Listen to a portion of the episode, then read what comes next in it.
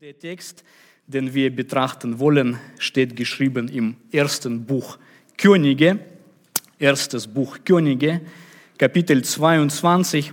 Es ist gut, wenn man das ganze Kapitel liest. Ich empfehle das zu Hause zu tun. Das ist aber umfangreich und ich werde mich vor allem auf die Verse 1 bis 8 beziehen. 1. Könige 22, 1 bis 8. Lasst uns lesen das Wort des lebendigen Gottes. Und sie blieben drei Jahre ruhig. Es war kein Krieg zwischen Syrien und Israel. Und es geschah im dritten Jahr, da kam Josaphat, der König von Juda, zum König von Israel herab.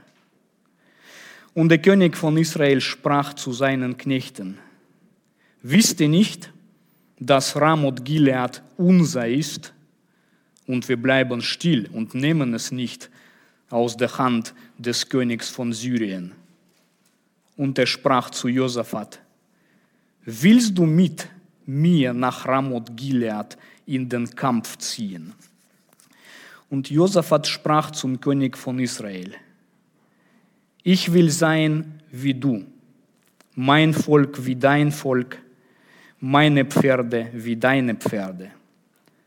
Und Josaphat sprach zum König von Israel, befrage doch zuvor das Wort des Herrn. Da versammelte der König von Israel die Propheten, etwa 400 Mann, und er sprach zu ihnen, soll ich gegen Ramoth Gilead in den Kampf ziehen, oder soll ich davon abstehen? Und sie sprachen, zieh hinauf und der Herr wird es in die Hand des Königs geben. Aber Josaphat sprach, ist hier kein Prophet des Herrn mehr, dass wir durch ihn fragen. Und der König von Israel sprach zu Josaphat, es ist noch ein Mann da, um durch ihn den Herrn zu befragen. Aber ich hasse ihn denn er weissagt nichts Gutes über mich, sondern nur Böses. Micha, der Sohn Jimlas. Und Josaphat sprach, der König spreche nicht so. Himmlischer Vater sei gepriesen und gelobt für dein Wort. Dein Wort, die edle Gabe hast du uns gegeben.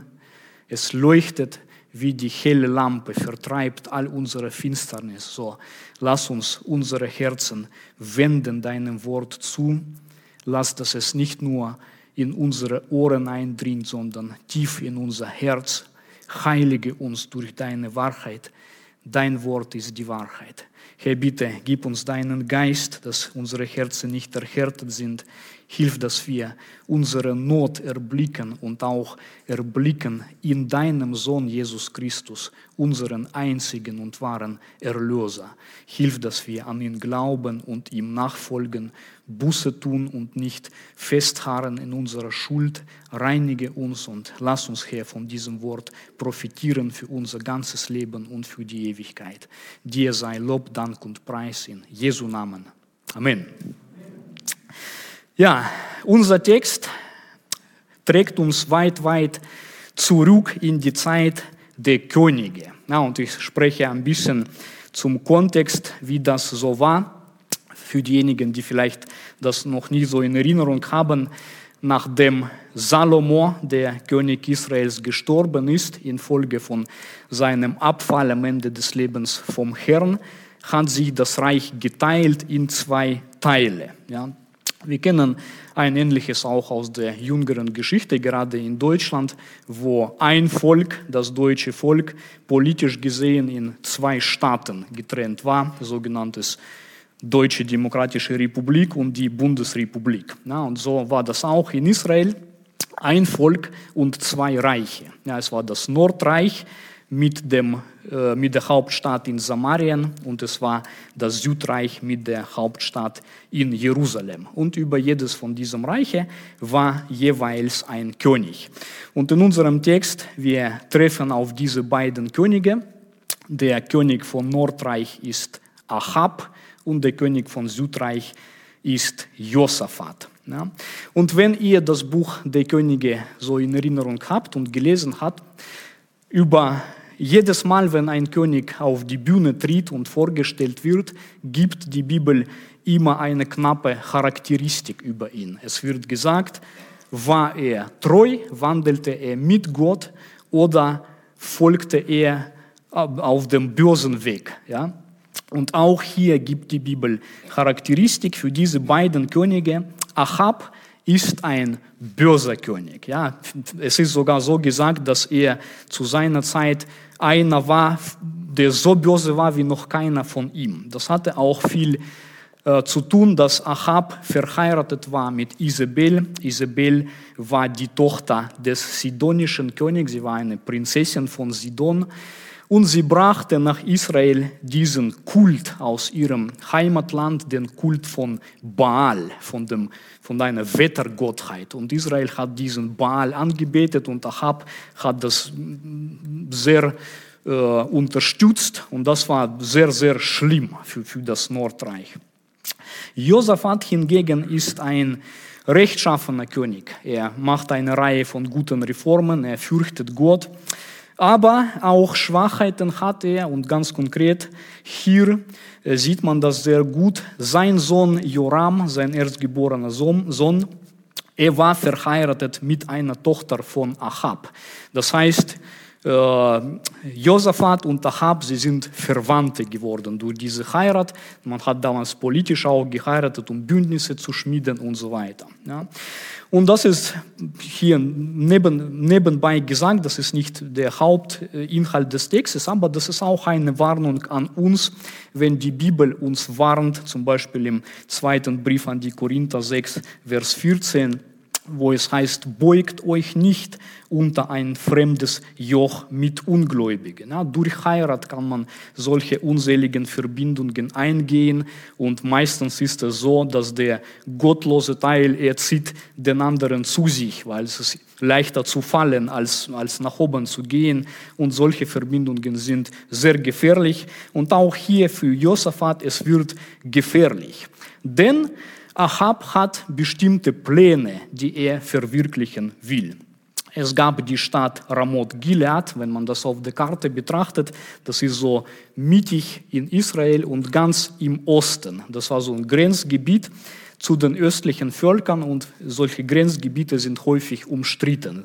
Es hat den Besitzer mehrmals gewechselt und Ahab kommt auf die Idee, ist übrigens auch nichts Neues, wir wollen das zurückholen. Ja, auch das kennen wir aus der Geschichte, aus der deutschen Geschichte damals in den 30er Jahren, wir wollen Sudetendeutschland zurückholen. Ja, in Russland seit einigen Jahren auch die traurige Geschichte, wir wollen Krim holen, wir wollen Donbass holen, wir wollen das und das zurückholen. Und wenn solche Reden erklingen, das bringt oft politisches Kapital, das Volk ist patriotisch und so weiter. Aber bald danach, immer wieder sieht man, sobald etwas so heimgeholt werden will, dann fließt Blut bald darauf. Ja? Und das ist, was auch hier geschieht.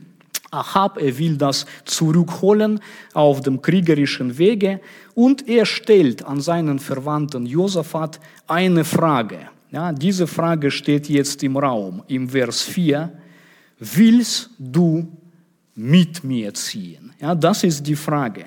Er will ihn gewinnen, um dieses Feldzug, diesen Feldzug zusammen durchzuführen. Ja, und jetzt steht Josaphat vor einer Entscheidung.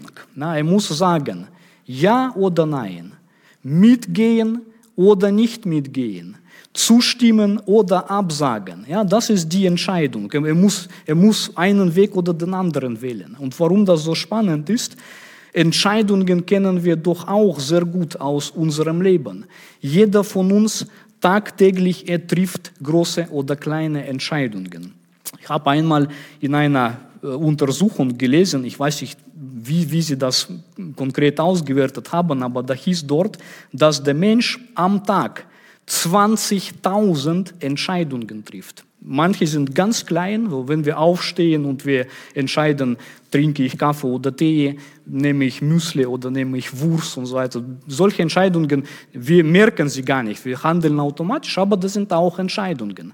Aber es gibt auch größere Entscheidungen. Ja? Als Pastoren, wir treffen Entscheidungen, die oft sehr schwerwiegend ist. Als Familienmensch, als Vater, als Mutter, du triffst Entscheidungen, die sehr schwerwiegend sind. Ja? Und manchmal geht es bei unseren Entscheidungen buchstäblich um Leben oder Tod. Ja? Und man soll nicht leichtsinnig an die Entscheidungen herantreten. Und das ist so spannend für mich, hier in diesem Text zu beobachten, wie dieser Entscheidungsprozess abgelaufen ist und mit welchem Resultat, weil das hat sehr viel Lehrreiches für mein eigenes Leben. Ja? Und man kann so sagen, auch nebenbei bemerkt, es gibt so, wenn, man, wenn ich so beobachte, wie die Leute entscheiden, ich beobachte drei Arten, wie die Menschen Entscheidungen treffen. So eine Art, das heißt im Deutschen, man trifft Entscheidungen aus dem Bauch heraus. Ja, ist immer so ein bisschen seltsam, warum aus dem Bauch? Man weiß, im Bauch, da ist das Gehirn gerade nicht. Ja, und solche Entscheidungen aus dem Bauch heraus, die sind eben dadurch gekennzeichnet, dass der Mensch ohne viel nachzudenken, er handelt nach seinem Gefühl, nach seiner inneren Empfindung, nach seiner Stimmung. Die Ehefrauen und uns, die wissen, selbst wenn der Mensch oder der Mann zurückkommt und er ist hungrig oder nicht, das beeinflusst oft die Entscheidung. Also wenn er hungrig ist, lieber nicht mit, mit Entscheidungen an ihn herantreten, er ist böse noch ein bisschen. Ja. Wir kennen auch, wie gefährlich diese Entscheidungen aus dem Bauch heraus geschehen können, auch in der Bibel. Ja, wir kennen alle die Gestalt von Esau, ja, der Bruder von Jakob. Esau war hungrig, er kam von der Jagd und, ähm, äh, und äh, Jakob fragt ihn, ja, gib mir dein Erstgeburtsrecht. Und aus seiner hungrigen Entscheidung, ja, nimm es doch und wozu, ich sterbe doch sowieso. Und er macht eine Entscheidung ganz leichtsinnig, ganz leichtfertig die ihn später ganz, ganz schwerwiegende Folgen bringt. und solche Entscheidungen sind gefährlich.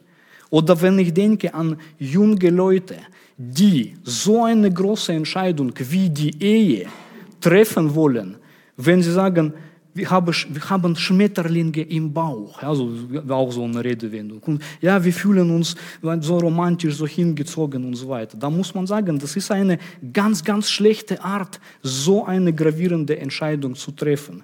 Schmetterlinge, wir wissen, das sind so ganz, ganz empfindliche Tierchen. Ja, wenn der Herbstwind kommt, die hören auf zu flattern. Ja. Und in unserer Ehe, da wird auch manch ein Sturmwind wehen, da wird auch ein Wind wehen. Wer nach so einem Vorsatz Entscheidungen trifft, ich gehe in die Ehe, weil ich Schmetterlinge im Bauch hatte, er wird bald ganz böse erwachen, ja, wenn andere Winde wehen, Schmetterlinge sind verflogen, dann ist, da bleibst du ja mit deiner Entscheidung, lieber nicht. Und die Bibel, die warnt uns vor solchen Entscheidungen. Im Buch Sprüche Kapitel 16, Vers 25, da heißt es, ein Weg mag dem Menschen richtig erscheinen und schließlich ist es doch der Weg zum Tod. Ja, ja, es schien mir richtig, ich hatte gutes Gefühl dabei. Und die Bibel sagt, aber am Ende, es ist der Weg zum Tod. Ja, also das ist keine gute Art zu entscheiden. Dann gibt es die andere Entscheidung, gerade die die andersherum. Ja, man entscheidet nach dem Kopf, ja, alles nach dem Kopf. Man betrachtet die Statistik, man macht gute Gedanken, man analysiert und so weiter. Das ist schon besser, muss man sagen. Ja, zumindest der Mensch ja, denkt darüber nach. Aber auch diese Entscheidung nach Kopf, nach der Logik, nach der Vernunft, sie hat auch ihre Schwächen weil wir als Menschen, auch unser Verstand, auch unsere Vernunft ist von der Sünde angegriffen und entstellt. Ja, manche Sachen, die uns so logisch erscheinen, die können ganz gefährlich werden und gerade weil der Mensch sicher ist, ja, ich habe doch nachgedacht, die Zahlen stimmen und so weiter, da kann er auch dort sehr, ja, sehr äh, daneben liegen. Ja. Ich denke hier immer an eine Geschichte aus dem Buch Josua könnte die Geschichte, als das Volk in das gelobte Land hineinkommt, Gott verbietet, dort Verbindungen mit den heidnischen Stämmen, die dort leben, einzugehen. Und die vertilgen sie eins nach dem anderen, kämpfen. Und ein Stamm, sie sind sehr klug und sie, sie stellen so vor, als ob sie von weit, weit weg kommen. Sie ziehen so alte äh, Kleidung, so verschlissene Schuhe, nehmen trockenes Brot mit und sie kommen und sagen, schließt ein Bund mit uns. Und sie sagen, nee, wir dürfen nicht, unser Gott hat uns verboten mit den Völkern um uns herum. Und sie sagen, nee, wir sind nicht um euch herum, wir sind von ganz, ganz weg. Guckt euch dieses Brot an, so trocken. Er war frisch, als wir losgezogen sind. Guckt euch unsere Kleider, die sind schon alle löchrig, die waren ganz neu, als wir losgezogen sind. Und die Israeliten, sie betrachten das und nach der Faktenlage, ja, ihr seht doch alle so überzeugend, sie entscheiden, okay, ihr seid von ferne, wir machen einen Bund mit euch. Ja, und das war aber, die lagen daneben, ja, sie wurden überlistet, obwohl ihr Kopf schien so, wir sind doch, wir sehen doch hier äh, die Leute, dass sie tatsächlich von ferne kommen und das war nicht so. Ja. Und deswegen auch hier, die Bibel warnt uns auch da, im Bibel, äh, im Buch der Sprüche, Kapitel 3, Vers 5, da heißt es, vertraue auf den Herrn mit deinem ganzen Herzen und stütze dich nicht auf deinen Verstand. Ja, auch unser Verstand ist nicht die sichere Art und Weise zu entscheiden. Und dann die dritte Gruppe ist ganz einfach und sie ist auch nicht so so klein, würde ich mal sagen. Die Leute entscheiden gar nichts, ja, weil jede Entscheidung die bringt ein Risiko mit sich. Und deswegen die Leute zögern und sie sind immer unsicher und sie schieben das weit, weit weg. Bloß nicht festlegen, bloß nicht, nicht so. Ja? Und die entscheiden gar nichts, weder nach, nach Bauch noch nach Kopf, sondern die schieben das, soweit es geht, soweit es geht vor sich hin. Ja? Solche Leute sind immer unsicher. Ja? Was soll ich für einen Beruf wählen? Eigentlich das gefällt mir und das auch, vielleicht was mit Computern, aber auch das. Und dann Jahre vergehen und sie studieren nicht, sie heiraten kaum oder weil, wo ist der Richtige, der oder der, der gefällt mir, aber auch der und so weiter. Das ist auch keine gute Art. Und was wir sehen hier in unserem Text, Josaphat handelt auf die richtige Art und Weise. Weder lässt er sich von seinem Bauch äh, leiten, noch lässt er sich von seinem Kopf leiten, noch schiebt er das hinaus, sondern im Vers 5 sehen wir, wie er entschieden hat. Und er sagt, befrage doch das Wort des Herrn. Das ist die sichere Grundlage. Nicht Bauch, nicht Kopf, nicht hinauszögern, sondern Gottes Wort. Ja, Gottes Wort ist diese felsenfeste Grundlage. Brüder und Schwestern, wir hätten uns so viel Nöte, so viele Schaden erspart, wenn wir, ähnlich wie Josaphat, bei unseren kleinen und großen Entscheidungen gefragt hätten, wie steht der Herr dazu? Wie ist Gottes Wille in dieser Hinsicht? Wenn wir uns leiten würden in den Entscheidungen innerhalb unserer Familie und Ehe oder wie wir die Kinder erziehen oder welche Lebensziele wir uns setzen, wenn wir überall diese Frage immer primär stellen würden, Befrage doch das Wort des Herrn. Was sagt die Bibel? Wie leitet es mich an? Ja, da, da, da, das ist die sichere Art und Weise. Ja. Aber wie hören wir auf dieses Wort? Das ist, was wir auch betrachten wollen. Wie richtig hören auf dieses Wort? Nun, damals, zur Zeit der Könige, man muss verstehen, die Geschichte läuft noch, auch die Heilsgeschichte läuft noch. Es waren noch viele biblische Bücher gar nicht geschrieben, viele Propheten waren gar nicht geboren. Jesus Christus, Gottes Sohn, wurde noch nicht im Fleisch offenbart. Die Apostel waren noch Generationen entfernt historisch. Die, die Briefe und so weiter waren nicht geschrieben und deswegen die Leute wandten sich an die Propheten. Ja, der Kanon der Bibel war noch nicht fertig und der Prophet war derjenige, der quasi den Menschen und Gott verbunden hat. Ja, der Prophet sprach die Worte von dem Herrn. Ja, und sie befragen auch hier die Propheten. Und davon hat Ahab reichlich. Ja, er hat ganze 400 Mann, eine große Mannschaft von Propheten. Sie kommen alle dahin. Er stellt ihnen die Frage, soll ich oder soll ich nicht? Und was passiert? Sie alle reden zu ihm eine gute Botschaft. Ja, inwiefern gut?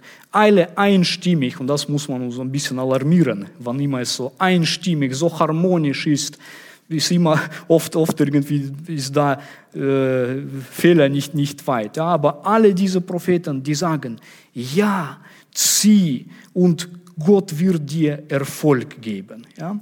Sie bestätigen auf diese Weise einen Entschluss, den Ahab schon drinnen in sich gefasst hat. Er will diese Stadt holen, er will diesen Krieg anfangen, er hat sich im Prinzip innerlich schon entschieden.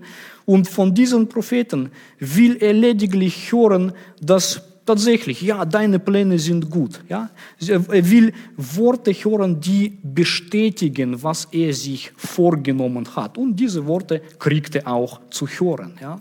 Das Problem dabei ist, das ist ein Kennzeichen der falschen Propheten, dass sie das, was der Mensch in seinem verdorbenen, bösen Herzen trägt, seine Pläne, die er hier aushegt, so einmütig, so harmonisch bestätigen. Ja? In der Bibel, im Neuen Testament, 2. Timotheusbrief, Kapitel 4, Vers 3, da wird gewarnt, dass es falsche Propheten kommen werden, die die Ohren kitzeln. Ja, das ist ein Ausdruck, der dort verwendet wird. Das heißt, die solche Worte sprechen, die uns bequem erscheinen, die uns angenehm erscheinen, die dazu appellieren, was wir auch innerlich schon tragen und sie bestätigen, ja, ja, das ist gut, mach das, mach das. Ja. Und das Problem ist, das ist ein Merkmal der falschen Propheten. Ja. Sie, ihre Worte, die gehen so glatt hinein. Der Mensch macht solche Ohren und empfängt sie ganz gern, ja, aber diese Worte sind eben Worte von falschen Propheten, was auch hier geschieht. Wir machen hier eine ganz einfache und wichtige Beobachtung. Auch wenn die, die Worte so attraktiv, so bestätigend sich anhören, auch wenn die Mehrheit es sagt, ja, hier ist ein großes eine große Menge, 400 Propheten, das ist viel mehr, als wir hier im Saal sind. Ja, 400 Leute, alle einstimmig reden das. Dadurch, dass die Mehrheit es redet, wird es nicht wahr. Ja, oft wir vertauschen das, ja, wenn, wenn alle so reden, das kann doch nicht falsch sein. Und gerade in der Geschichte, man sieht, sehr oft, gerade wo viele etwas treiben, war dort auch der Fehler. Ja, gerade auch in der deutschen Geschichte, wenn wir zurückdenken und als Hitler da war, ja, und die Massen waren begeistert von ihm. Ja. Es erschien eigentlich überall ein Konsens in der Gesellschaft. Ja, das ist der Führer, der ist der Toll und so weiter. Ja, und am Ende war es gefährlich, obwohl die große Mehrheit aufgenommen hat. Die große Mehrheit war dabei und am Ende war es zerstörerisch. Die Bibel warnt uns auch hier im 2. Mose 23, Vers 2, da heißt es, du sollst nicht der Mehrheit folgen zum Bösen. Und das trifft uns auch ganz aktuell, wenn wir in der Gesellschaft, wo wir wohnen, wo wir leben und wir gucken drum herum. Heute sind viele Sachen, die noch vor einigen Generationen undenkbar wären. Damals selbst der ungläubigste Mensch, er würde zum Beispiel ganz klar verstehen, was eine Ehe ist, dass Scheidung schlecht ist, ja, dass Abtreibungen nicht gut ist, es wird ein Menschenleben umgebracht. Früher, selbst bei ein gottlosester Mensch, er war trotzdem, er hatte dieses Verständnis. Heute ist das so verkehrt, dass die Mehrheit, vor einigen Jahren hat unser Deutscher Bundestag mit großer Mehrheit bestätigt. Ja? Ehe für alle. Wir öffnen es für Männer und Männer, Frauen und Frauen. Dein Geschlecht kannst du selber wählen und so weiter. Und in der Gesellschaft immer mehr Leute akzeptieren das. Ja? Das, das gehört einfach zum Selbstverständnis von heute. Aber das ist die Gefahr, wenn die Mehrheit das so sieht, es wird nicht automatisch gut dadurch, es wird nicht automatisch wahr dadurch. Wir sollten uns da nicht mitziehen lassen. Du sollst der Mehrheit nicht zum Bösen folgen. Ja, die Mehrheit irrt sich gerade oft. Und auch Josaphat, er als Mann Gottes, er bekommt ein Gespür hier. Irgendwas ist falsch. Ja? Er spürt, etwas ist faul. Und im Vers 7, er verlangt nach einem echten Propheten des Herrn. Die anderen haben zwar im Namen Gottes äh, gesprochen, waren aber vermutlich Propheten von Baal. Und er fragt, gibt es nicht einen wahren Propheten des Herrn? Und lass uns die Reaktion betrachten von Ahab. Sehr bemerkenswert hier. Er sagt, ja tatsächlich, es gibt einen, es gibt einen Propheten des Herrn, Micha, der Sohn Jimlas. Und dann heißt es im Vers 8, aber ich hasse ihn. Ja, dieses Wort buchstäblich bedeutet Feind oder Gegner sein. Er ist mein Feind. Wir sind mit ihm nicht gut zu sprechen. Er ist mein Gegner, mein Widersacher. Was war der Grund dafür? Und Ahab sagt, er weiß, sagt mir nichts Gutes. Das war der Grund, warum er ihn gehasst hat, warum er ihn betrachtet hat als seinen persönlichen Feind. Er sagt nichts Gutes über mich. Und hier ist diese große Dramatik, weil wenn wir nachdenken, stellen wir fest, gerade dieser Micha, Sohn Jimlas, er hatte vom Herrn die Worte, die Ahabs Leben bewahren konnten. Ja? Diese ganzen 400 Propheten, sie sagten Ja. Ja, und solche Ja-Sager, wenn man auch, auch im Job zu tun hat oder sonst wie, Ja-Sager sind oft gefährlich. Ja, ja, mach es, mach es. Und gerade diese Menge, die er so gern gehört hat, sie schicken ihn in den Tod. Denn wenn ich nach vorne, wenn ich nach vorne greife, ihr wisst, er ist umgekommen bei diesem, bei diesem Krieg, was er angefangen hat. Ja? Alle diese 400 Leute, die er bewertet als Gute, ja, die, die reden Gutes über mich, die schickten ihn in den Tod. Und dieser eine, der Micha, dessen Worte er nicht gern hörte, weil er gerade seine Pläne nicht bestätigt hat, sondern durchgestrichen hat. Ja, er hat eine Botschaft gebracht, wenn du in den Krieg ziehst, wirst du fallen und dein Volk wird wie Schafe umherirren, weil der Hirte tot ist. Ja, und das hat er nicht, das war nicht angenehm für ihn, das hat er nicht gern gehört.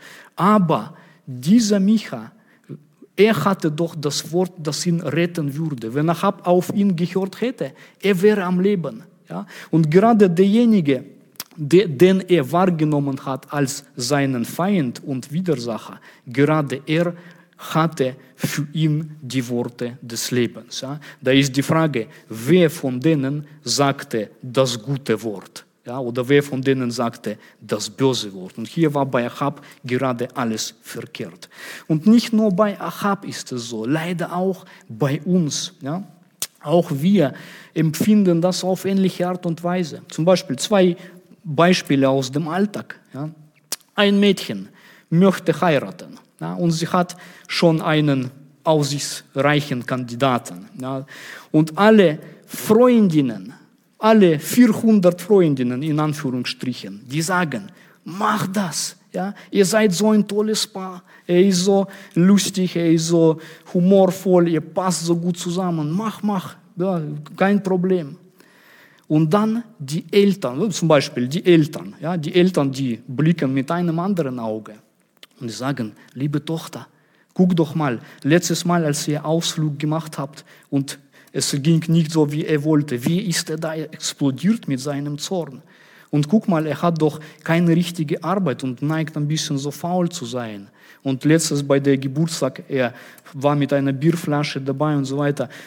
Vielleicht ist er nicht der richtige Mensch für die. Ja? Die Eltern können dir direkt etwas ins Gesicht sagen, was keiner sonst vielleicht sagt. Und wie oft passiert es, dass so ein Mädchen, ja, das sage ich mal, erfundene Geschichte, aber auch nicht weit von der Realität, dass das Mädchen sagt, ach Mama, ach Papa, Du willst mir nur nicht gönnen, dass ich glücklich bin. Was hast du gegen uns? Wir passen so gut. Alle sagen, wir passen so gut. Ihr wollt einfach nicht, weil ihr gegen ihn was habt und so weiter. Ja? Und sie empfinden, als ob Mama und Papa feindselig sind. Die wollen mir den Spaß verderben. Die wollen nicht, dass ich glücklich bin und so weiter. Und sie verstehen nicht, dass gerade sie, sie warnen dich davor. Und dann gehen sie ihren Weg und heiraten und Jahre später, sie vergießen bittere Tränen und genau die Punkte, wo damals die Eltern gesagt haben, hier und hier, pass auf, gerade das stellt sich heraus, da waren die Schwachheiten und da jetzt ist in der Ehe große Probleme, weil man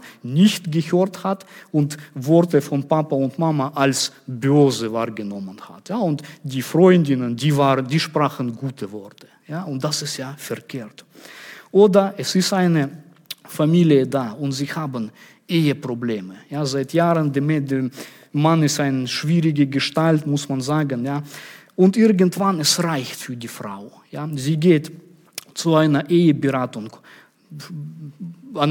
legt da, legt da vor, so und so läuft es bei uns. Und, und die Eheberaterin oder Berater sagen, ja, sie sind in der toxischen Beziehung. Lösen Sie auf und fangen Sie was Neues an. Das ist hoffnungslos. Quälen Sie sich nicht länger mit dem Menschen, ist nicht, nicht zu bessern und so weiter. Und auch vielleicht ein, ein, eigene Verwandte und Freundinnen. Ja, warum, warum quälst du dich mit dem Kerl? Du bist noch so jung.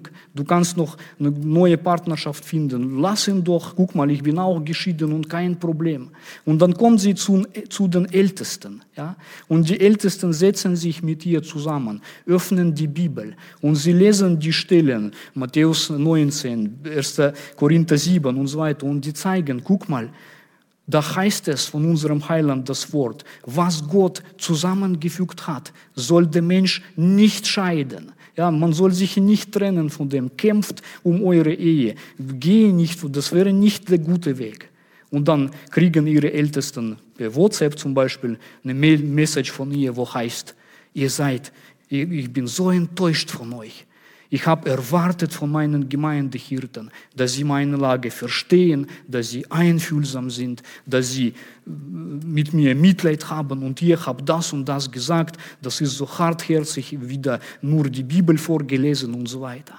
Und der Mensch versteht nicht gerade diese Worte, die sind aus Liebe zu dir gesagt, weil das sind Worte von Gott. Ja, wir können dir nichts Besseres bringen als Gottes Wort.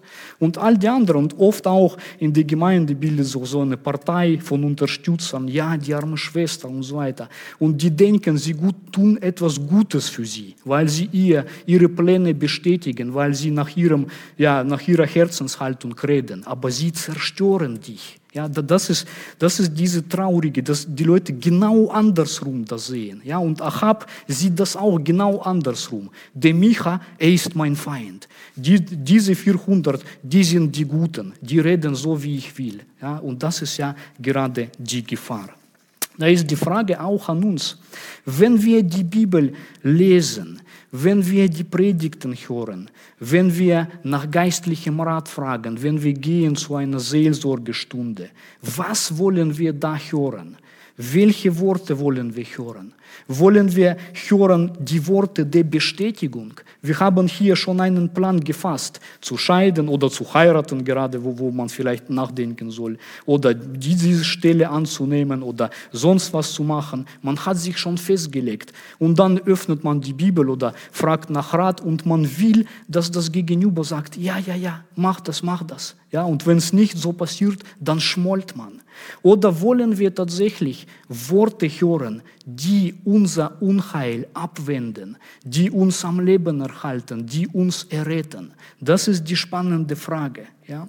Das Wertvolle an der Bibel, die Bibel redet uns die Wahrheit. Sie deckt unsere, diese problematischen Sachen auf. Ja? Sie, sie dreht nicht drum herum, sie redet da, wo wir, was wir hören müssen. Ja, nicht was wir hören wollen vielleicht, aber was wir müssen.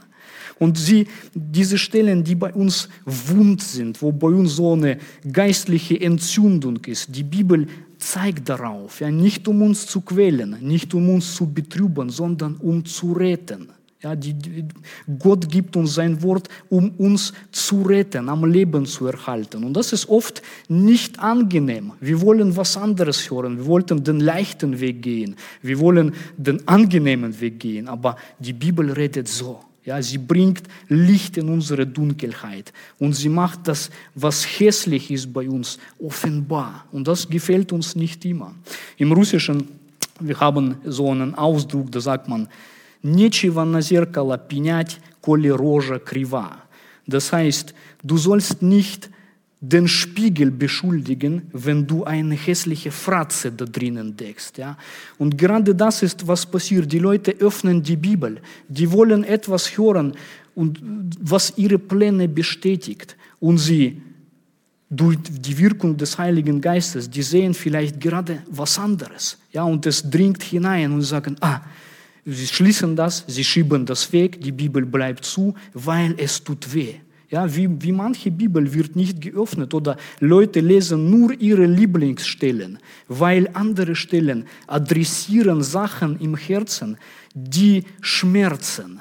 Ja, und gerade die will Gott bei uns zur Sprache bringen. Er will gerade dort die Änderungen bewirken. Aber das, das tut weh. Und ähnlich wie dieser Achab, man sagt, ah, ich, ich höre nicht auf den. Dieser Micha, er ist der ist mein Feind. Ja? Dieser Pastor, dieser Prediger, ich habe Vertrauen zu ihm verloren. Er redet nur das, was ich nicht hören will. Ich, ich höre ihn gar nicht, ich schalte ab und so weiter. Und damit besiegelt man den eigenen Untergang. Das ist das Bittere. Ja?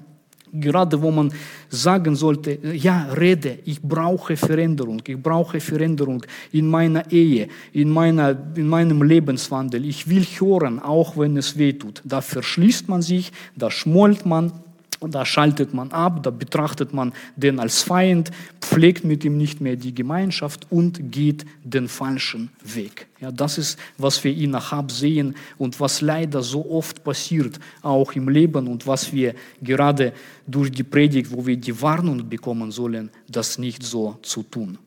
Ein Beispiel, was ich vor Jahren in einem Buch geschrieben habe und das hat mich sehr beeindruckt, es war angeblich im Jahr 1983, da war ein Flug unterwegs von Kolumbien nach Europa. Und dieser Flug ist im Nebel durch einen Zusammenstoß mit einer bergigen Landschaft, er ist gegen einen Hügel gefahren und zerbrochen 181 Todesopfer waren die Folge. Und dann hat man diesen automatischen Schreiber, diese Black Box gefunden. Das ist so ein Gerät äh, im Flugzeug. Er äh, nimmt die Daten auf vom Flug, auch die Gespräche in der Kabine, um festzustellen, was passiert ist. Und da hat man, so war, war zumindest so erzählt, dass man, als man angehört hat, diese, äh, diese ausgewertet hat, diesen Flugschreiber, dann als sie im Nebel flogen gegen dieses, diese Hügel, da hat das automatische System das erkannt. Und es gab so eine Warnstimme, pull up, pull up, zieh, zieh hoch, zieh hoch. Und da hat einer der Piloten, der sicher war, dass sie richtig fliegen, er hat gesagt, halt die Klappe, Kumpel. Und dann ein paar Sekunden später, bumm. Ja, und sie sind zerbrochen. Und genauso, Gott redet zu uns durch sein Wort ins Gewissen hinein. Er sagt, ändere deinen Weg. Hier ist was Falsches. Das ist der Weg des Todes. Hüte dich vor diesen Menschen oder hüte dich da und da. Gott bezichtigt uns der Sünde. Und der Mensch sagt, ich will das nicht hören. Und er macht das zu und er geht ins Verderben. Heute, obwohl wie am Anfang, ich habe gesagt, viele von euch, ich kenne euch nicht, aber das ist in jeder Gemeinde so, es sitzen Leute hier, wo auch Gott in deinem Leben Sachen adressiert, die nicht in Ordnung sind. Auch hier ist eine Warnstimme, die sagt, mach nicht weiter so, drehe um von diesem bösen Weg. Gott warnt dich, ja, wie hier der Nachab er durch Micha gewarnt hat, Ahab wusste, ja, Gott hat ihm ganz klar gesagt, was die Folge sein wird, wenn er weiter diesen Weg zieht in den Krieg. Und er wollte nicht hören. Heute ist auch eine Stimme in unserem Leben, ja, vielleicht mit einer Sucht, vielleicht mit unserer Charaktereigenschaft, vielleicht mit solchen Sachen, mit unserer äh, Habsucht, mit Lusternheit, mit anderen Sachen, wo Gott warnt und zeigt auf die Stelle. Und lass uns nicht ignorieren diese Warnstimme. Lass uns nicht weiter diesen Weg treiben, wie er hat, bis er dann in sein Verderben gelaufen ist. Ja? Lasst uns abwenden vom falschen Weg, weil das Wort Gottes behält auf jeden Fall Recht. Wenn ihr wisst, wie die Geschichte weiterging, Ahab hat sich entschlossen, in den Kampf zu ziehen, aber er hat schlau gehandelt. Er hat sich umgezogen als ein einfacher Soldat. Er dachte, da minimiere ich das Risiko. Er hat quasi so ein bisschen Maßnahmen ergriffen, um Gott zu überlisten. Und das hat ihm aber nicht geholfen. Ja? Einer von der gegnerischen Armee, einfach ganz zufällig, wobei das alles von dem Herrn gelenkt war, er schießt auf gut Glück sein Pfeil und trifft diesen Ahab in, in einen Schlitz zwischen seinem Panzer. Also selbst wenn du zielen würdest, du würdest nicht treffen, aber Gott richtet diesen Pfeil. Trotz seiner Verkleidung, trotz seiner Sicherheitsmaßnahmen, er kommt um weil Gottes Wort wird immer in Erfüllung gehen. Wir können das nicht überlisten. Das ist die dümmste und die nutzloseste Idee. Ja, ich trickse ein bisschen mit meinem Leben. Ich, ich bin ja schlau, ich mache so und so und das wird schon gehen. Nein, wird es nicht. Ja, wenn du nicht hörst auf die Warnungen, dann wirst du verderben. Das Beste ist, Buße zu tun, umzukehren von dem falschen Weg, Gott Gehorsam zu leisten, auch wenn es jetzt weh tut. Ja, die Bibel lässt uns nicht in Ruhe. Ja, sie zeigt uns auf diese wunden Stellen, aber nicht als Feind. Das, äh, die macht das als unser Freund, ja, um uns am Leben zu bewahren. Und das Gute ist, die frohe Botschaft ist, gerade mit dieser Finsternis, mit dieser Schande, die die Bibel offenlegt. Ja, die Bibel ist ja die Lampe, die hell leuchtet. Wenn wir in dieses Licht hineinkommen, dann wird das, was hässlich, versteckt von der Dunkelheit verborgen war, sichtbar. Ja, das ist unangenehm. Aber mit dieser Schande, wir dürfen zum Kreuz von Golgatha kommen, wo Gott, unser Vater, seinen lieben Sohn Jesus Christus gegeben hat, um eben diese Schande zu reinigen, um eben diese Schuld zu tilgen von uns. Ja? Gott legt das offen, damit wir gewaschen werden, damit wir das erkennen und das bringen. Herr, hier ist, was mich befleckt. Herr, hier ist, was mich belastet. Herr, hier ist alles Krumme, alles Böse. Wie dankbar bin ich, dass ich zum Golgathas Kreuz kommen kann, wo dein Sohn geschlachtet war und geblutet hat, um eben das zu reinigen. Das ist die frohe Botschaft. Die Bibel macht das nicht, um uns zu quälen, um uns zu traurig zu machen, sondern höchstens mit einer Traurigkeit, die zu Buße führt und die am Leben zu Ruhe und zu Seligkeit führt. Lass uns diese letzte Warnung, die ich noch aufgeschrieben habe, hier aus Hebräer 3, Vers 15 beachten. Da heißt es, heute, wenn ihr seine Stimme hört, verhärtet eure Herzen nicht. Lass uns nicht die falsche Entscheidung treffen, wie er hat, sondern entscheiden für Gott, entscheiden zu Jesus zu kommen, entscheiden umzukehren von allem Falschen, wo Gott uns bezichtigt und zu ihm zurückkommen. Lass uns zusammen beten, seinen Namen anrufen und Gott gebe uns, dass wir den wahren Weg wählen und gerettet werden. Himmlischer Vater, wir sind so dankbar, dass du, der gnädige Gott, siehst, wie wir sind, so verdorben, von Natur aus, befleckt in Sünde geboren, und doch hast du uns so sehr geliebt, dass du deinen einzig, einzigen Sohn Jesus Christus gegeben hast, auf dass jeder, der an ihn glaubt, nicht verloren geht, sondern das ewige Leben hat. Herr, wenn du unsere Hässlichkeit, unsere Sünden offenlegst, wenn du unser Gewissen anrührst, wenn du zeigst auf die Stellen in unserem Leben, die nicht stimmen, die deine Gebote brechen, die nicht nach deinem Willen laufen. Hilf, dass wir uns nicht erhärten. Hilf, dass wir deinem Wort allen Glauben und Gehorsam schenken. Es ist nicht unser Feind, es ist gerade die Seligkeit, Herr, dass wir dieses Wort, dieses Licht haben. Hilf, dass wir hören auf deine Stimme und nicht den bösen und krummen Weg weitergehen zum eigenen Verderben. Herr, ich bitte auch für alle, die hier im Saal sitzen, die dich noch nicht kennen, wo auch du zu ihnen redest, auch ihre Gewissen anrührst. Hilf, dass sie umkehren, hilf unseren ungläubigen Kindern, Verwandten, dass auch sie zu dir kommen und das ewige Leben haben.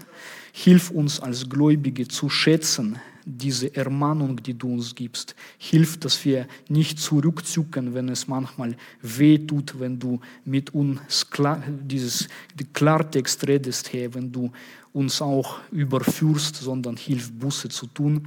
Und wir preisen und danken für das Lamm Jesus Christus, das geschlachtet war für uns und mit seinem reinen Blut uns gereinigt hat und gerettet hat von aller Schuld. Dir sei Lob, Ehre, Preis und Dank in Jesu Namen.